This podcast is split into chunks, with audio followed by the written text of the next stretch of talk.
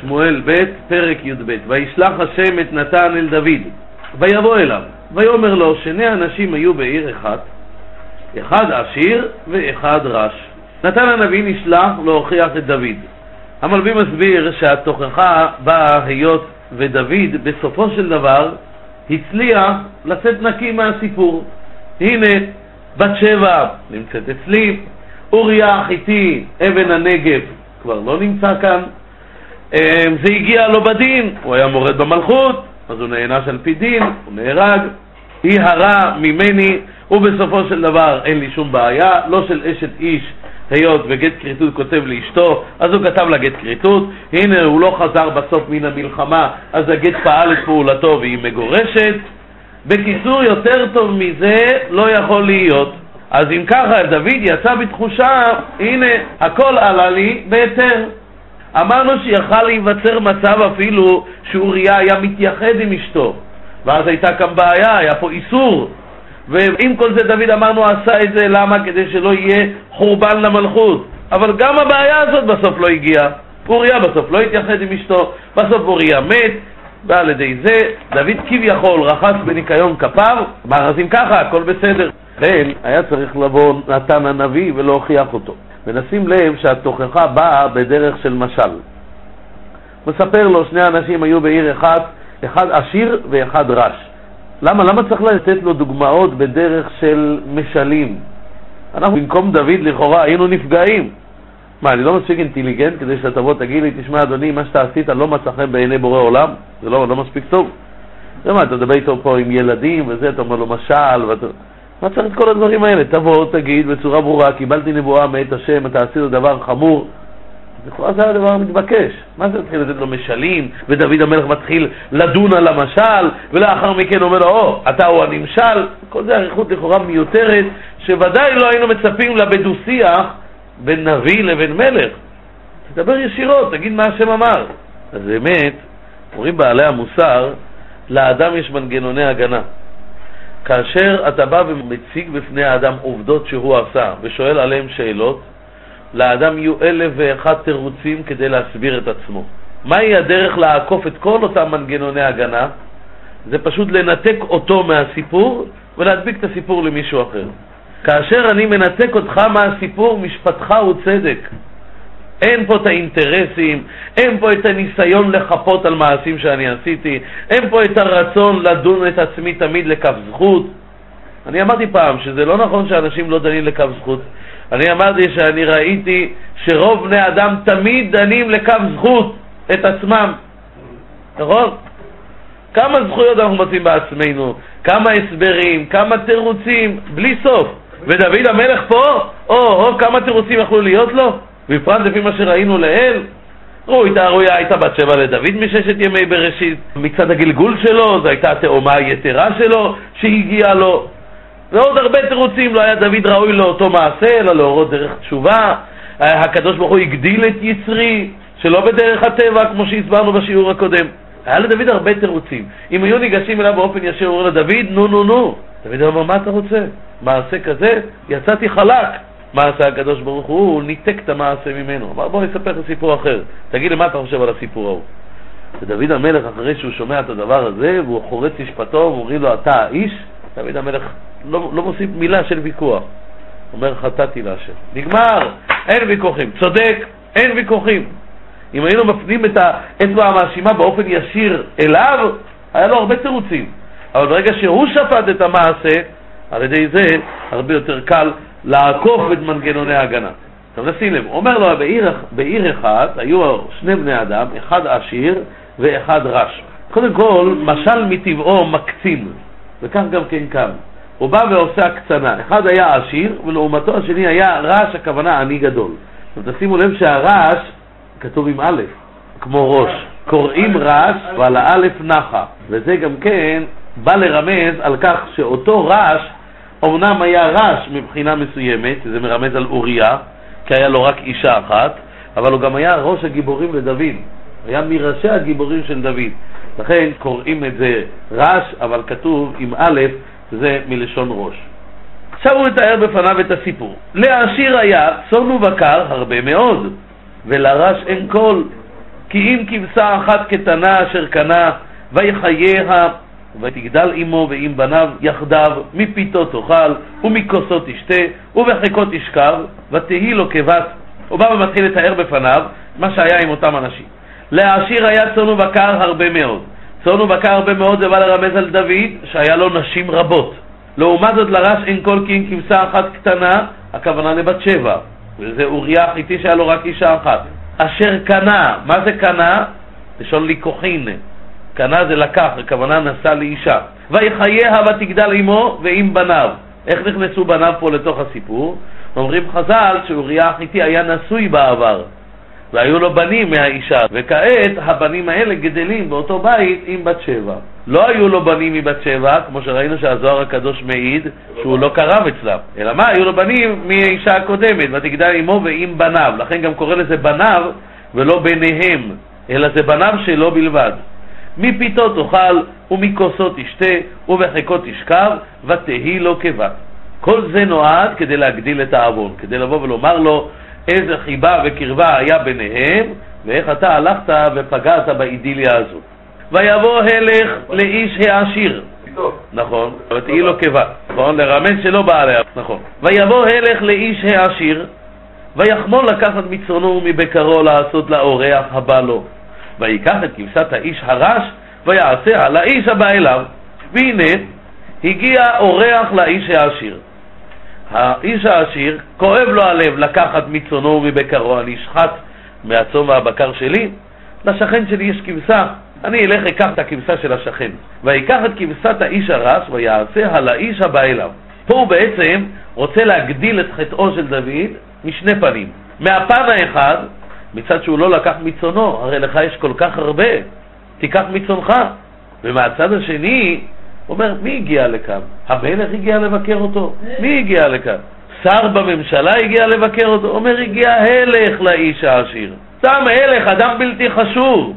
והאדם הזה, לא היה צורך בשבילו לעשות כל כך הרבה, ואתה, כיוון שאמרת, טוב, אתה יודע מה, יש לי פה כבשה בחינם, אז בוא, אפשר לכבד גם את ההלך הזה. הלך מצד עצמו, לא עושים לו קירה, לא פותחים לו שולחן, אבל כיוון שאמרת, תשמע, יש לי פה בזול כבשה, בחינם, בוא ניקח אותה בשביל, ה... בשביל ההלך הזה. ובעקבות זה אתה רואה שההלך הזה כביכול עלה לדרגה של אורח, ומזה הוא נהיה איש.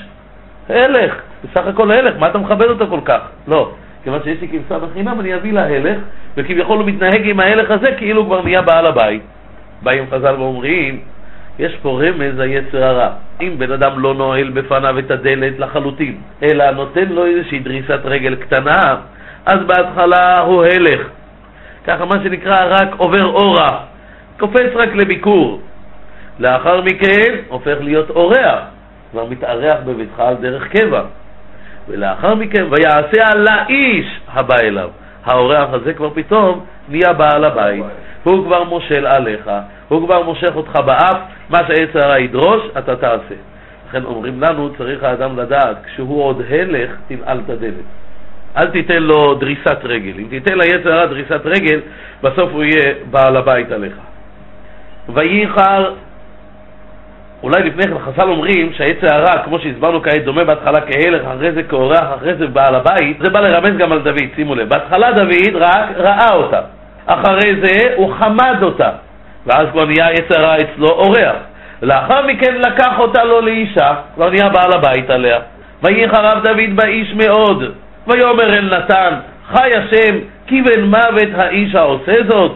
חי השם נשבע בשם השם אדם כזה, הוא בן מוות. ודוד לא נתקררה דעתו, ואת הכבשה ישלם ארבעתיים, עקב אשר עשה את הדבר הזה, ועל אשר לא חמל. לא מספיק שיהרגו אותו, עוד את הכבשה ישלם ארבעתיים. כמה זה ארבעתיים? מחלוקת, יש אומרים פי ארבע, יש אומרים ארבע זה פי ארבע. ארבעתיים זה פעמיים ארבע, זה פי שמונה. הקושי כאן זה קושי מאוד לא פשוט. קודם כל תגידו לי, יש מצב שהורגים בן אדם והוא משלם? איך זה נקרא? כמלה בדרבה מיניה, נכון? העמידנו על העונש הגדול ביותר. איך דוד חורץ לשפטו, גם למות, גם לשלם? שאלה אחת. שאלה שנייה, יש מצב שבן אדם גוזל ומתחייב בנפשו? אולי בדיני שמיים כתוב וקבע את קובעיהם נפש, מי שגוזל את ישראל השם נותן נפשו ממנו. אבל בעונשי הארץ שבאים לפני משפט ואומרים למלך תשפוט, המלך שופט ואומר הורגים אותו על גזלה, כמה שהגזלה תהיה חמורה, אין דין גזר דין מוות על גזלה. מה פתאום קובע לו כאן גזר דין מוות? זה באמת פלא עצום. המלבים אומר, תדע לך שיש הבדל בין משפט המלך לבין משפט השופטים. והמלבים הזכיר כבר את הכלל הזה לעיל, ראינו אותו, ונחזור עליו שוב פעם כאן. אומר המלבים, שופט, דיין ששופט, חייב לשפוט על פי כל כללי החוק והמשפט שקבעה התורה. זה אומר הוא זקוק לשני עדים. זה אומר שצריכים לעשות להם חקירת שתי וערב. זה אומר שצריך שהעדות שלהם לא תהיה סותרת בשום דבר. זה אומר שלא ניתן להכיל עליהם עונש יותר ממה שכתוב. אם זה חילול שבת, זה סקילה, אם זה רצח, אז זה סייף, וכן הלאה זה הדרך. כל דבר כדינו. כאשר מדובר במלך, המלך לא כפוף לכל זה. למלך ניתן כוח לעמוד בפרץ ולגדור גדר גם בדברים שאינם על פי הפרוטוקול, שאינם על פי הספר, שאינם על פי החוק. הוא לא חייב לעשות חקירה של העדים אם הוא רואה בעינם שהדבר הזה הוא אמיתי, הוא לא חייב לפסוק על פי פסיקה, יכול לגזור עונש הרבה יותר גדול כדי לגדור גדר ולעמוד בפרץ, וכפי שבאמת ראינו שחז"ל מתארים שפעם אחת היה אדם שרכב על סוס בשבת. מה הוא עשה? איזה איסור זה? מחמר. האיסור הזה של המחמר, מקסימום תגיד לי אם זה בהמה שלו אז יש פה איסור תורה מצד למען ינוח. אם זה לא בהמה שלו אז בכלל גם זה אין, זה רק איסור דה רבנן, שמא יתלוש זמורה. חז"ל אומרים, הוציאו אותו ביום ראשון לבית הסקירה. סקלו אותו על דבר כזה. אומרת הגמרא, ולא מפני שהדין כן, אלא שאותו דור היה צריך לך. זאת אומרת, יש מצב כזה שהחכמים יכולים לבוא ולעמוד בפרץ כדי לגדור גדר. מלך על אחת כמה וכמה. וזה מה שדוד המלך אומר. אמנם על פי משפטי החוק והסדר של התורה הקדושה, אין לו דין כזה. אבל אני, כשאני רואה פה מעשה אכזריות כל כך נורא, אומר דוד, אני רואה צורך לעמוד בפרץ ולדון אותו בדין משפט המלך ולא בדין משפט הדיינים, לדון אותו שיהיה חייב מיתה. דבר נוסף, שישלם ארבעתיים. ולכן דוד המלך מוסיף, אחרי שהוא מסיים את משפטו, עקב אשר עשה את הדבר הזה ועל אשר לא חמל. הארבעתיים זה עקב אשר עשה את הדבר הזה, גנב וטבח. ועל אשר לא חמל, הכוונה על זה הוא מקבל עונש מיתה. זה אומר שלא מגיע לו באמת על פי דין, אבל כיוון שהמעשה הזה הוא כל כך נורא מבחינת החוסר רחמנות שבו, לכן הוא אומר, אני, אני גוזר עליו את הגזר דין הזה בכוח המלכות. מה זה ארבעתיים? איפה דוד המלך נענש ארבעתיים? איפה הוא קיבל פי ארבעה? אומרים חז"ל, זה בדיוק העונש שהוא קיבל. הילד שנולד לו מבת שבע מת, אחד. אמנון נרצח על ידי מי? אבשלום, שתיים. תמר, מה היא הייתה? נאנסה על ידי אמנון, זה שלוש. אבשלום נהרג על ידי מי? יואב, יואב זה ארבע. ויש כאלה, הרלב"ג מוציא את uh, תמר ומכניס במקום זה את אדוניה. שגם הרי שאדוניה גם נגזרה עליו מיתה, ואז זה מתאים שכל הארבעה מתו, כן?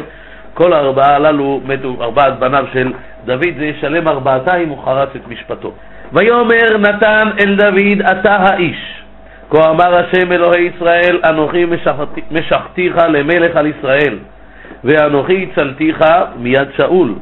ואתנה לך את בית אדונך ואת נשי אדונך בחיקך, ואתנה לך את בית ישראל ויהודה, ואם מעט, והוסיפה לך כהנה וכהנה. מדוע בזית את דבר השם לעשות הרע בעיניי? את אוריה החיתי הכית בחרב, ואת אשתו לקחת לך לאישה, ואותו הרגת בחרב בני עמון?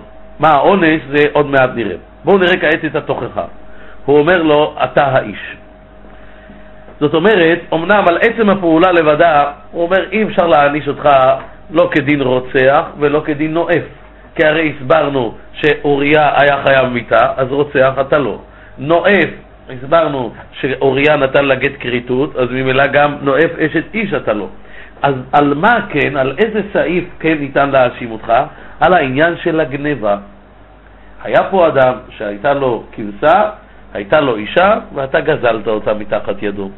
אתה יכול להגיד, כן, זה לא, זה, זה לא אשת איש, כן, הוא היה חייב מיתה, הכל טוב ויפה, אבל על הגזלה מה יש לך לענות? לקחת אישה וגזלת אותה מיד בעלה. עצם הדבר הזה, זה העוון שעליו הוא תובע אותו. עכשיו הוא אומר לו, בוא ותראה שהמצב שלך חמור מאוד. א', הרי אנוכי משפטיך למלך על ישראל. הוא אומר לו, תראה, אתה לא אדם פשוט, אתה מלך על ישראל. כשמלך עושה עבירה, זה מהווה ראייה וסימן לכלל העם כיצד להתנהג. אתה לא בן אדם פרטי, בן אדם פרטי יכול לחטוא, יכול להיכשל, אומרים לו, החטא שלך לא עושה גלים. אבל כשמלך חוטא, זה עושה גלים קשים. ואז אם אלו ממך, אומר לו, הרי ילמדו האנשים ויעשו כמוך. דבר נוסף, הוא אומר לו, ואנוכי הצלתיך מיד שאול.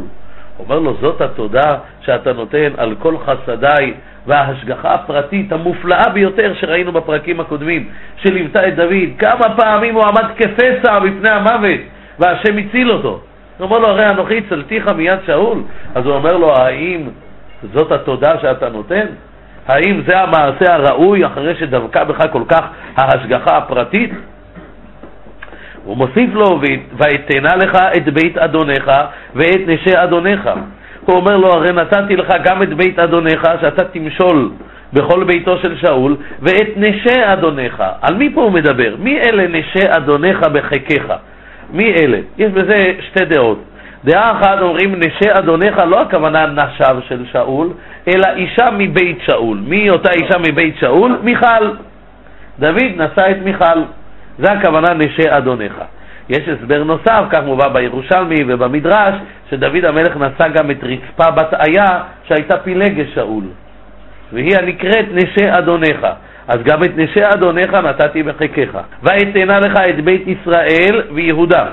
ראינו שבתחילה דוד המלך משל בחברון שבע שנים, ואחרי זה השם דאג שכל עם ישראל יבואו כאיש אחד לקבל מלכותו. אז הוא אומר, גם דאגתי שכולם יקבלו מלכותך בצורה מוחלטת. ואם מעט, מה זה אם מעט? הכוונה, אם מעט לך הנשים שיש לך, והוסיפה לך כהנה וכהנה. כמה נשים היו לדוד באותו הפרק? שש נשים. אומרים חז"ל, לדוד היו שש נשים, וממילא כאשר השם אומר לו, והוסיף לך עוד כהנה, כמה זה? עוד שש. וכהנה, כמה זה? עוד שש. כמה נשים המלך מותר? שמונה עשרה. המלך מסכן, הוא מוגבל. אנחנו לא מוגבלים. כל אדם יכול לשאת נשים בלי הגבלה. אתה רוצה מאה, תישא מאה. אלף, אלף. לא מוגבל. רק המלך מוגבל. אומרים לו, לא יותר משמונה עשרה נשים. הסיבה לכך, מכיוון שאצל המלך אנחנו חוששים יותר שמא נשיו יטו את לבבו, כמו שהיה אצל אה, שלמה המלך. וזה המקור, אגב, של המלך מותר רק 18 נשים, הוסיפה לך כהנה וכהנה, עוד שש ועוד שש, ביחד עד 18 נשים. וכך באמת היה לדוד בסופו של דבר, לדוד היו 18 נשים. ואז הוא אומר לו, ואם כן, מדוע בזית את דבר השם לעשות הרע בעיניי? את אוריה החיתי הכית בחרב, ואת אשתו לקחת לך לאישה, ואותו הרגת בחרב בני עמון. הוא אומר לו, אפילו שבדיני בשר ודם אתה תוכל להצטדק, אבל מדוע בזית את דבר השם? הוא אומר לו, אתה ביזית פה את דבר השם, אז בדיני בורא עולם אין לך הצטדקות. עכשיו הוא מסביר, אתה עשית פה שני דברים, לעשות הרע בעיניי, את אוריה החיתי הכית בחרב ואת אשתו לקחת לך לאישה. הוא אומר לו ככה, את אוריה החיתי הכית בחרב על ידי מה? על ידי שאת אשתו לקחת לך לאישה.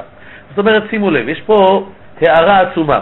אתה טוען, אתה טוען, אוריה חייב מיתה. זה מה שאתה טוען, נכון? אתה טוען אוריה חייב מיתה. בואו נחשוב, למה אוריה חייב מיתה? היות ואוריה בא ודיבר שלא בכבוד אל המלך ואמר לו אדוני יואב, או בגלל שהוא לא שמע לכל ציווי המלך לרדת ולהיות עם אשתו, נכון? אז בעצם אתה טוען הוא חייב מיתה. אומרים לדוד, רגע, דוד, בוא רגע נחשוב, לו אתה לא היית מעיקרן נוטל את בת שבע, אוריה היה מגיע אל המיטה? לא. איך הכל סובב? על ידי שאתה לקחת את בת שבע. אז ממילא היית צריך לחפות על המעשה. איך מחפים על המעשה? שלחת ליואב, תשלח אליי את אוריה החיתי כדי שילך ויהיה עם אשתו, ועל ידי זה יהיה חיפוי למעשה. הוא סירב, ובעקבות זה התחייב מיתה. דוד, אם לא היית לוקח את בת שבע, אוריה היה ממשיך בשדה הקרב, היו מנצחים את בני עמון, היה חוזר אל אשתו, הוא היה ממשיך לחיות עד 120. יוצא אם ככה, שאתה אומנם טוען שבצדק התחייב אוריה מיתה, אבל איך זה התגלגל אליו זה באשמתך. אבל אילולא אתה בכלל היה לך קשר עם בת שבע, לא היה צריך לחפות על שום דבר, לא היית קורא לאוריה, אוריה היה ממשיך לחיות. אז זה מה שהוא בעצם טוען לו, מעשה אחד, עוולה אחת גלגלה את השנייה. אז אתה צודק שהוא חייב מיתה, אבל הוא הגיע לחיוב הזה על ידך. זאת אומרת, הסיבה שהוא התחייב מיתה הייתה בגללך. לכן הוא אומר לו, זה נחשב כאילו אתה רצחת אותו, ואותו הרגת בחרב בני עמון, או הכית בחרב, כביכול אתה הוא זה שהרגת אותו. היה פה עוון נוסף. חוץ מזה שאותו הכית בחרב, הוא התחייב מיתה על ידך כמו שהסברנו. את אשתו לקחת לך לאישה, יש פה עניין של גזלה כמו שהסברנו. ואותו הרגת בחרב בני עמון, הסברנו בשיעור הקודם שלהרוג בחרב בני עמון זה היה מיתה קשה, זו הייתה מיתה על ידי קינא דמסאבותא, על ידי הנחש שהיה חקוק על חרב בני עמון. אם מגיע לו מיתה, תהרוג אותו כדין הרוגי בדין, שימות ביד ישראל בדרך מכובדת. למה שלחת אותו למות ביד הערלים? זה עוד עוון בפני עצמו. למה הרגת אותו בחרב בני עמון? בואו רגע נחשוב, דוד המלך הרג אותו? למה מייחסים את זה אליו? מה תגיד? הוא היה הגורם. בואו נשאל אותך שאלה. אם אני אומר לבן אדם, ראובן, אני שולח אותך, לך תהרוג את שמעון. וראובן הלך והרג את שמעון. מי נחשב שרוצ... שרצח כאן? ראובן. יש לנו כלל האומר, אין שליח לדבר עבירה. זה הוא אמר לי, מה זה זה הוא אמר לך? דברי הרב, דברי התלמיד, דברי מי שומעים? שואל אותך בורא עולם, אני אמרתי לך לא לרצוח. שואל אותך, למה רצחת? אתה אומר לי, אבל זה הוא אמר לי לרצוח. מה אתה שומע להוא? אני אמרתי לך לא, אומר הקדוש ברוך הוא. בא הרד"ק ואומר, בכל אדם באמת הטיעון הזה הוא נכון, אבל כאשר מדובר במלך, פה מי שלא ישמע לכל ציווי המלך, המלך יהרוג אותו. כיוון שכך מוראו של המלך נמצא על הנתינים, והמעשה מיוחס למלך. עכשיו בואו רגע שנבין היטב, האדם חייב לסרב גם למלך. וגם אם יגידו לו, המלך יהרוג אותך אם אתה לא תעשה, יגיד אני מוכן למות ולא להרוג אותו. כי הרי שלוש עבירות, עבודה זרה, גילוי עריות ושפיכות דמים, ייהרג ואל יעבור. אבל המלך ציווה עליי, כתוב, כל איש אשר ימרה את פיך יומת. יכול אפילו לדבר עבירה, כך ציוו את המלך, כל איש אשר ימרה את פיך יומת. למי זה נאמר? ליהושע. יכול אפילו לדבר עבירה, גם אם המלך יצווה לעבור עבירה, תלמוד לומר, רק. רק חזק מאוד, לבלתי אבות, לדברי התורה וכולי. רק בא למעט, תיזהר, רק דברים שמתאימים לתורה. אם המלך מצווה דבר החורג מחוקי התורה, אסור לך לשמוע בקול המלך. אז אמנם נכון, אתה צודק, כי האנשים האלה, אנחנו נבוא נגיד להם, למה שמעת בקול המלך? הרי היית צריך לסרב. אבל באופן טבעי, פחד המלך עליי. כיוון שפחד המלך עליי, קשה לבוא אליי בתלונה למה קיימתי את דבר המלך. אז כשמדובר במלך, העוון נזקף אליו. אתה הרגת דוד, כי בתור נתין הוא מפחד להמרות את פיך. איזה עוד מלך ראינו שנתבע על הריגה? אפילו שלא הוא עשה את זה באופן מעשי, באופן ידני. שאול המלך נתבע על נוב עיר הכהנים. אני הרגתי את נוב, דואג האדומי הרג את נוב עיר הכהנים. נכון, אבל אתה אמרת סוב פגע בהם. זה יצא ממך ההוראה. אבל הוא היה אמור לסרב. נכון שהיה אמור לסרב, אבל כיוון שיש פה מוראה של מלכות, אז אנשים באופן טבעי לא מסרבים. כיוון שכך, התביעה היא עליך. היו כאלה שסירבו, נכון? נכון? היינו אצל כאלה שכן סירבו, וראינו שהם היו מעולים יותר בזה שהם לא שמעו לכל דבר המלך כאשר הוא ציווה לעשות דבר שאינו ראוי.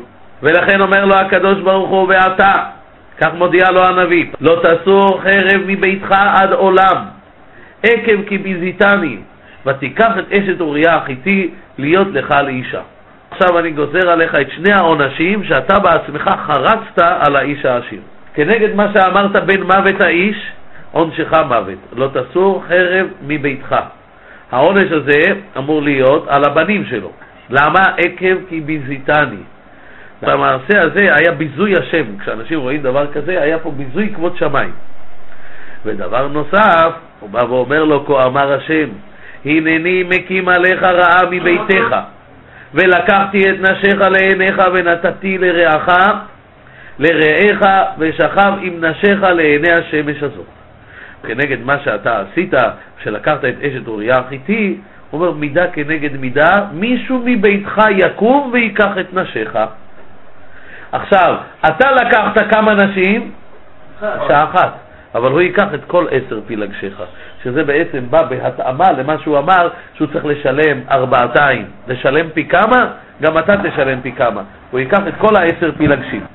זה הבדל נוסף. אמר לו, אתה עשית בסתר, זה שיעשה את זה לך, הוא יעשה את זה בגלוי. לעיני השמש הזאת, דהיינו יהיה בזה פרהסיה. למה היה העניין של הפרהסיה? כדי שכולם ידעו שדוד המלך נענש על המעשה שהוא עשה, שאף אחד לא יקבל איזושהי לגיטימציה מהמעשה הזה לבוא ולנהוג כמוהו. אמרנו בעבר ונחזור ונאמר שוב שכל אחד, אמרתי שוב, כל מי שירצה להגיד שדוד המלך לא חטא כלל, לא שייך לומר דבר כזה, אלה הם פסוקים מפורשים שדוד המלך חטא. כל מה שאנחנו דיברנו על כך שכל האומר דוד חטא אינו אלא טועה, הכוונה, רש"י שם מסביר, כל האומר דוד חטא באשת איש, או הכוונה דוד חטא ברציחה, ניאוף ורצח לא היה כאן. שני הדברים האלה היו בכשרות, כמו שהסברנו. רק מה, איך כל העניין הזה הסתובב היה דבר לא ראוי. עניין הגזלה היה דבר לא ראוי. אמנם המלך, הכל מותר לו, אבל היה בזה חילול השם, ועל פי מדרגת דוד, ודאי שהתביעה עליו הרבה יותר קשה. אבל מעולם לא חשבנו לבוא ולומר שדוד המלך עשה מעשה כשר לחלוטין. על מעשה כשר לא שולחים נביא, לא שולחים תוכחה, לא נותנים עונשים.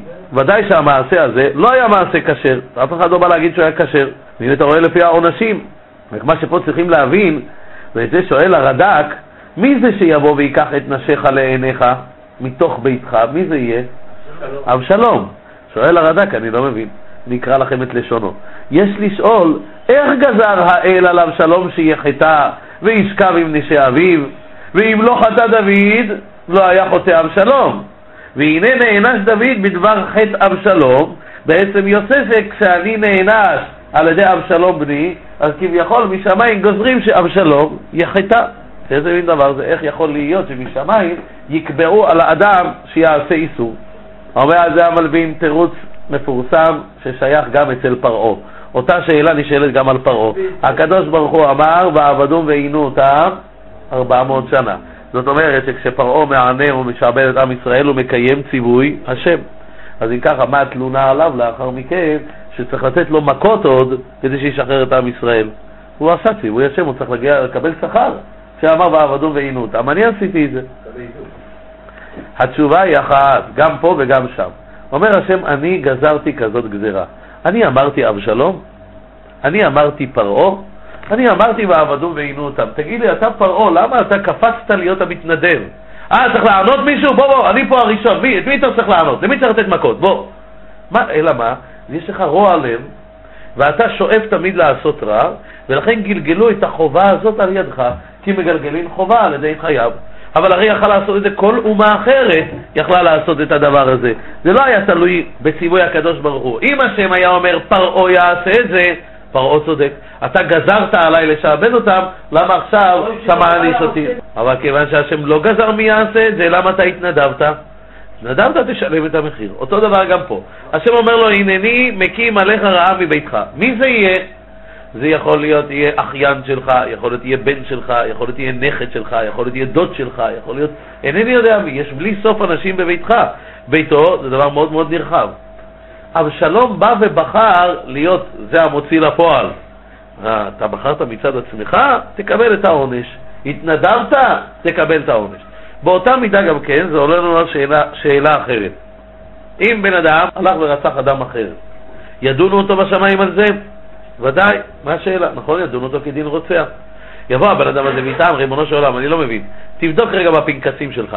אני הוא ההוא שרצחתי, קוראים לו ראובן. תבדוק רגע, ראובן היה צריך למות באותו יום? בודקים בפנקסים, אומרים כן. באיזה שעה? בשעה כזאת וכזאת. אז מה אתם מפילים עליי את התיק?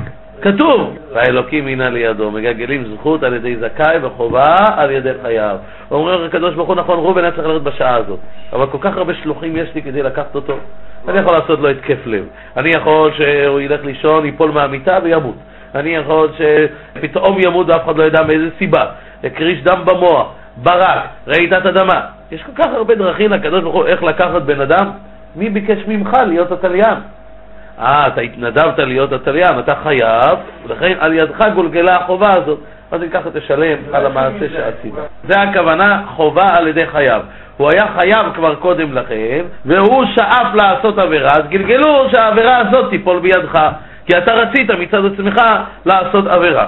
כך גם כן כאן, שאבשלום מצד עצמו, אף אחד לא דחף אותו לזה, אלא הוא בעבור תאוות נפשו רצה לחטוא, ואז גלגלו לו את העניין הזה. אומר לו הקדוש ברוך הוא, אתה צריך לשלם. עכשיו, התשלום יהיה על ידי מיתה, דהיינו ארבעתיים. היות ואתה נטל, ואתה בעצם גרמת למותו של אוריה החיתי. היה מגיע לו, אבל הסברנו עכשיו שהוא לא היה מגיע לזה אילולי כל העניין שלך. אז אתה פה התחייבת בחיוב של מיתה. ולכן אתה אמרת לשלם פי ארבעה, אז ימותו לך ארבעה מבני ביתך. זה כנגד העניין הזה של גלגול המיתה. שימו לב, מה הוא אומר לו? ושכב נתתי לרעך ושכב את נשיך לעיני השמש הזאת. כי אתה עשית בסתר, ואני אעשה את הדבר הזה נגד כל ישראל ונגד השמש. דהיינו על ידי זה שאנשים יראו שהקדוש ברוך הוא משלם את הגמול בפרהסיה, על ידי זה אנשים יבינו וידעו שהקדוש ברוך הוא איננו מוחל ואיננו מעביר, גם אם בן אדם הוא יהיה חשוב, גם אם הוא יהיה מלך, שלא תחשוב שלמלך מותר לעשות עוונות ולאנשים פשוטים אסור. דין המלך כדין כל אדם, ואדרבה, עוד יש עליו תביעה קשה יותר, כיוון שהמלך הוא בבחינת דוגמה, הוא נזקק לדקדק הרבה יותר במעשיו. ויאמר דוד אל נתן חטאתי להשם. ויאמר נתן אל דוד גם השם העביר חטאתך לא תמות. הוא אומר לו חטאתי להשם. פה אנחנו רואים את גדולת נפשו של דוד. ופה רואים גם כן את מה שחז"ל אומרים, את ההבדל בין דוד לבין שאול. שאול נתן המטלאות, נתן סיבות, העם חמל, הבאנו את זה כדי להקריב להשם אלוהיך, קיימתי את ציווי השם, כמה וכמה פעמים ניסה להצטדק. ודוד, כמו שהסברנו קודם, היה לו הרבה הצטדקויות. ושאול צווה במפורש, תהרוג את כל העמלקים, תהרוג גם את הכבשים, גם את הצאן, גם את הבקר. דוד המלך לא בא אליו נביא מפורש לפני מעשה בת שבע והזהיר אותו אל תעשה. אז תראו כמה הצטדקויות היה לדוד. עם כל זה דוד המלך לא מצטדק כלל, אלא מיד אומר, חטאתי להשם.